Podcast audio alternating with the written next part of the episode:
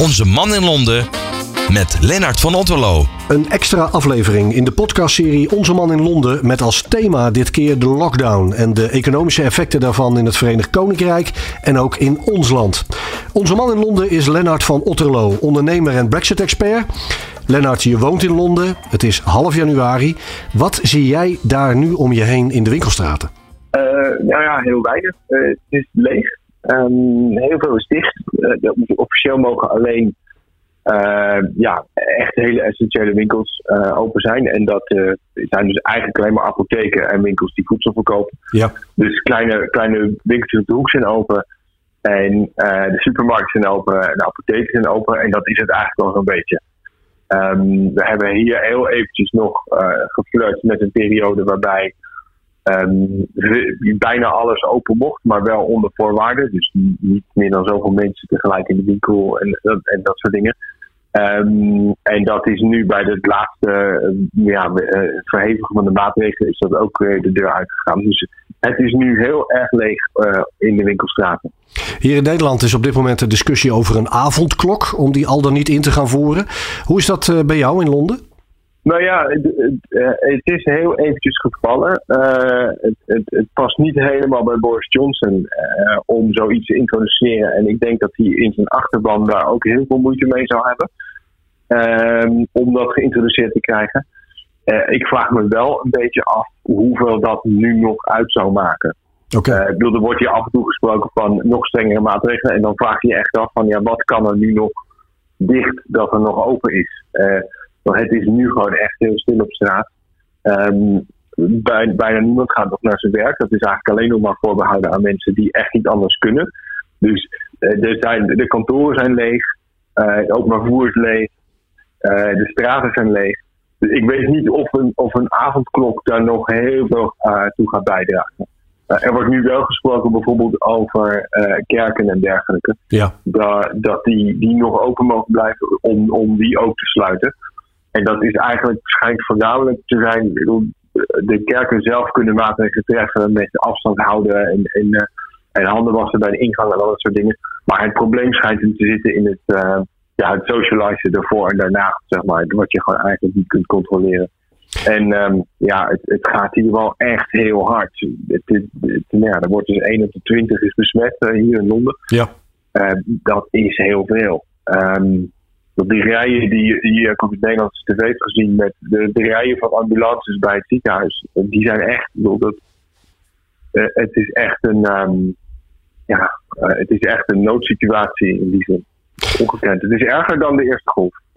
Ik gaf al aan, je woont in Londen. Londen telt ruim 8 miljoen inwoners. En je gaf ook zelf al aan, er zijn delen waar 1 op de 20 mensen besmet is met wat wij intussen die Britse variant van het coronavirus zijn, zijn gaan noemen.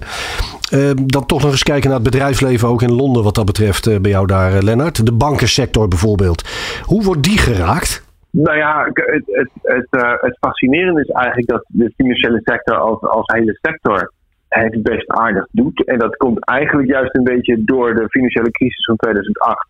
Daar, zijn toen zoveel maatregelen genomen dat uh, het heel bijzonder is dat we nu dus een, uh, nou ja, wat hebben we? Een, een, gezondheidscrisis, een economische crisis, maar we hebben geen financiële crisis.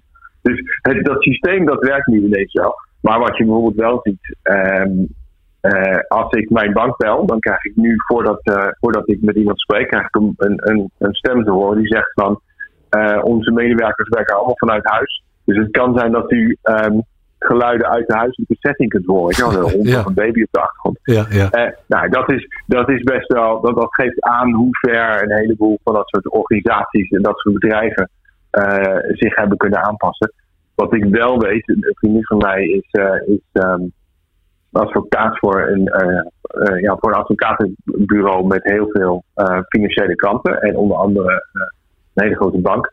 En die werken allemaal thuis, behalve de mensen op de trading floor. Um, want dat is nog best wel een probleem. Die hebben vanwege handel met voorkennis, moet je daar bijvoorbeeld ochtends je, je mobiele telefoon inleveren. En die mag alleen maar communiceren over gemonitorde en gelogde kanalen. Ja, ja dat ja. kan je natuurlijk niet controleren als mensen thuis zitten. Dus uh, wat ik weet, er, een, er zijn een aantal banken die hebben bijvoorbeeld een hele trading floor opgeknipt in tien stukjes. Tien kleine kantoortjes gehuurd. En daar zitten allemaal kleine groepjes mensen die komen dus wel naar, ja, naar werkplek toe. Dat maar mag- als er één besmet is, dan steken ze niet de hele vloer aan. Nee, precies. Maar op die manier mag het dus wel. Ja, Ja. ja. dat, ja die kunnen dus niet eh, thuiswerken. Eh, en zo houden ze dat nog een beetje overeind. Maar weet je, de rest in de back-office zit waarschijnlijk wel gewoon thuis. Want, want hier in Nederland is eh, thuiswerken eh, is in de categorie dringend aan te raden. Of eigenlijk dringend geadviseerd. Ehm, noodzaak 1 eigenlijk, in alle eerlijkheid natuurlijk ook.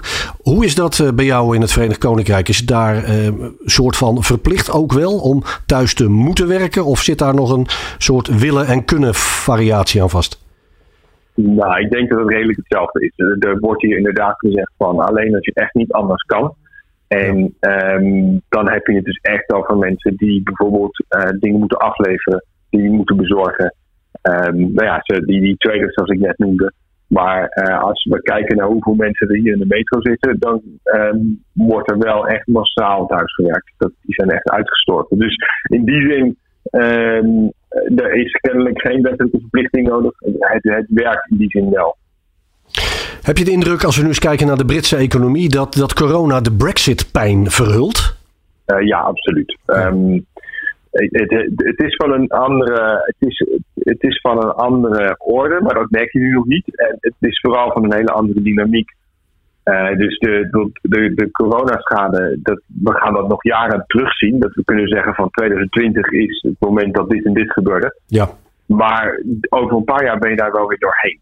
Ehm het, je, het zorgt misschien voor een golf van, van faillissementen. Het zorgt misschien voor een golf van eh, werkloosheid. Maar ook misschien een golf van bedrijven die juist in de crisis eh, eh, zijn begonnen.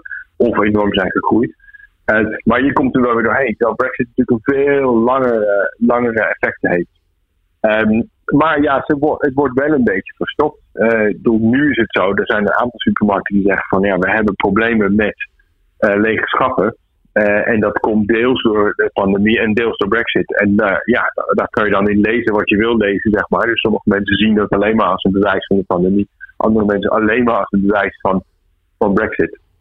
Maar het heeft wel voor de politiek wat handige dingetjes eh, opgeleverd. Bijvoorbeeld het, het, het ondersteuningssysteem, waarbij ze dus werkgevers de, de salarissen doorbetalen van hun personeel tot Ja. 80%. Ja. Dat hebben ze nu opgerekt tot eind maart. Dat zou eigenlijk eh naar eind, eind afgelopen zomer zou ophouden. Dat hebben ze opgerekt tot eind maart. En ik vermoed stiekem, toen was die, die, die tweede golf nog niet zo groot. Ik vermoed stiekem dat ze dat hebben gedaan om ook een beetje de klappen van Brexit te kunnen verzachten. Zonder dat ze dat expliciet hoefden te noemen. Dus in die zin zit er wel absoluut een wisselwerking tussen die twee. En, en komt het dus stiekem ook wel een klein beetje goed uit. Als we eens gaan kijken naar de Britse havens eh, eh, daar bij jullie, eh, Lennart, dan, dan zie je eigenlijk dat sinds Brexit het daar niet de hectiek is die verwacht werd. Zit daar, denk je, toch ook een soort coronavirus-effect in? Ja, ja, ik denk het wel. Bedoel, er zijn sowieso nu eisen dat je een, een negatieve test moet laten zien als chauffeur. Ja. Als je Frankrijk weer in wil komen, bijvoorbeeld. Dus en dat, ja, je, het gaat allemaal twee kanten op. Hè? Dus de, de Britten zijn netto importeurs. Dus eh, je hebt heel veel volle vrachtwagens die naar het WK komen, die leeg terug moeten. Maar ja, als die, als die chauffeur ehm, een test moet laten zien op de weg terug, en dan kan die vrachtwagen wel leeg zijn, dan heb je nog steeds een, een, een probleem. En wat je dus nu ziet, is dat heel veel transportbedrijven zeggen van ja, daar, waar gaat dat, dat risico gaan we niet lopen. Nee. Dus we vermijden die grens helemaal. Ehm, en natuurlijk, de consumptie is anders. Er zijn een aantal dingen die mensen gewoon nu niet doen. Omdat je kunt niet uit eten. Dus ehm, die hele, de hele consumptiepatronen van, van mensen zijn, zijn daardoor veranderd. Eh, theaters, eh, bioscopen, pretparken, al dat soort dingen zijn dicht. Dus al dat soort, al die supply chains, die zijn nu veel dunner. Dus ik denk dat dat ook inderdaad wel, wel te zien is. Maar het, het schijnt nu ongeveer een kwart te zijn. Dus ongeveer een kwart van een normale transport gaat er nu door, door Dover eh, Calais. Dat gaat wel weer omhoog. Het is altijd een beetje rustig in januari. Dat gaat wel weer omhoog. En eh, er wordt dus ook verwacht dat we dan toch wel echt die problemen gaan zien die we al een beetje met kerst hebben gezien. Dat die wel tot op zekere hoogte eh, gaan gebeuren. Alleen gewoon niet later. Ja, want over transport uh, gesproken, in dit geval dan uh, vliegverkeer, even om dat linkje uh, te leggen, Lennart. Er zijn nog dagelijks zo'n 20 vluchten Londen-Schiphol. In, in, in, wat voor perspectief moeten we dat zien dan? En dan noemden we net al die Britse variant van het coronavirus. Je geeft nu ook al aan nut en noodzaak van, van transport en hoe het in de havens wat rustiger is dan normaal. Maar toch, hoe, hoe verklaar jij die 20 vluchten? Ik begrijp dat ook niet zo goed hoor. Ik begrijp ook niet hoe ze dat nog enigszins vol krijgen. Ja. Uh, er was hier, uh, nou, dit zal een week of twee geleden zijn geweest. Um, haalde hier het nieuws dat een hele reeks Britten uh, van Schiphol direct terug werden gestuurd. Omdat ze geen goede reden hadden om in Amsterdam te zijn. je kunt nu Nederland niet in om, om een weekendje wallen te gaan doen. Um, en ja, dat is. daar zijn ze gewoon heel streng in. En ik zie dus ook niet in dat er nog nu heel veel mensen zijn die denken van dat ga ik even doen. Andersom ook niet. Niemand gaat nu even winkelen in Londen. Dus het, het enige wat ik me nog kan voorstellen is dat het een beetje zakenverkeer is en een beetje uh, koppelen van uh, transatlantische vluchten. Ja. Dat je bijvoorbeeld een ticket verkoopt uh, Londen naar Beijing, maar via Schiphol. En dat je dan dus dat ja, Londen-Schiphol stukje nog eens moet aanbieden dat kan ik me nog voorstellen. Maar uh, ik kan, uh, lijkt me dat die vliegtuigen redelijk leeg zijn. Lennart, de reden om hier drie weken langer in eh, lockdown te gaan, bleek uit de persconferentie Rutte, is de angst voor die Britse variant van dat coronavirus. Nou ligt jouw expertise natuurlijk op tal van andere vlakken, maar toch, jij ziet het om je heen gebeuren daar. Ja, ja en het, het is wel, ik begrijp de angst in, in Nederland heel goed. Het is, het is wel echt heel ernstig hier. de situatie is ernstiger dan in de eerste golf.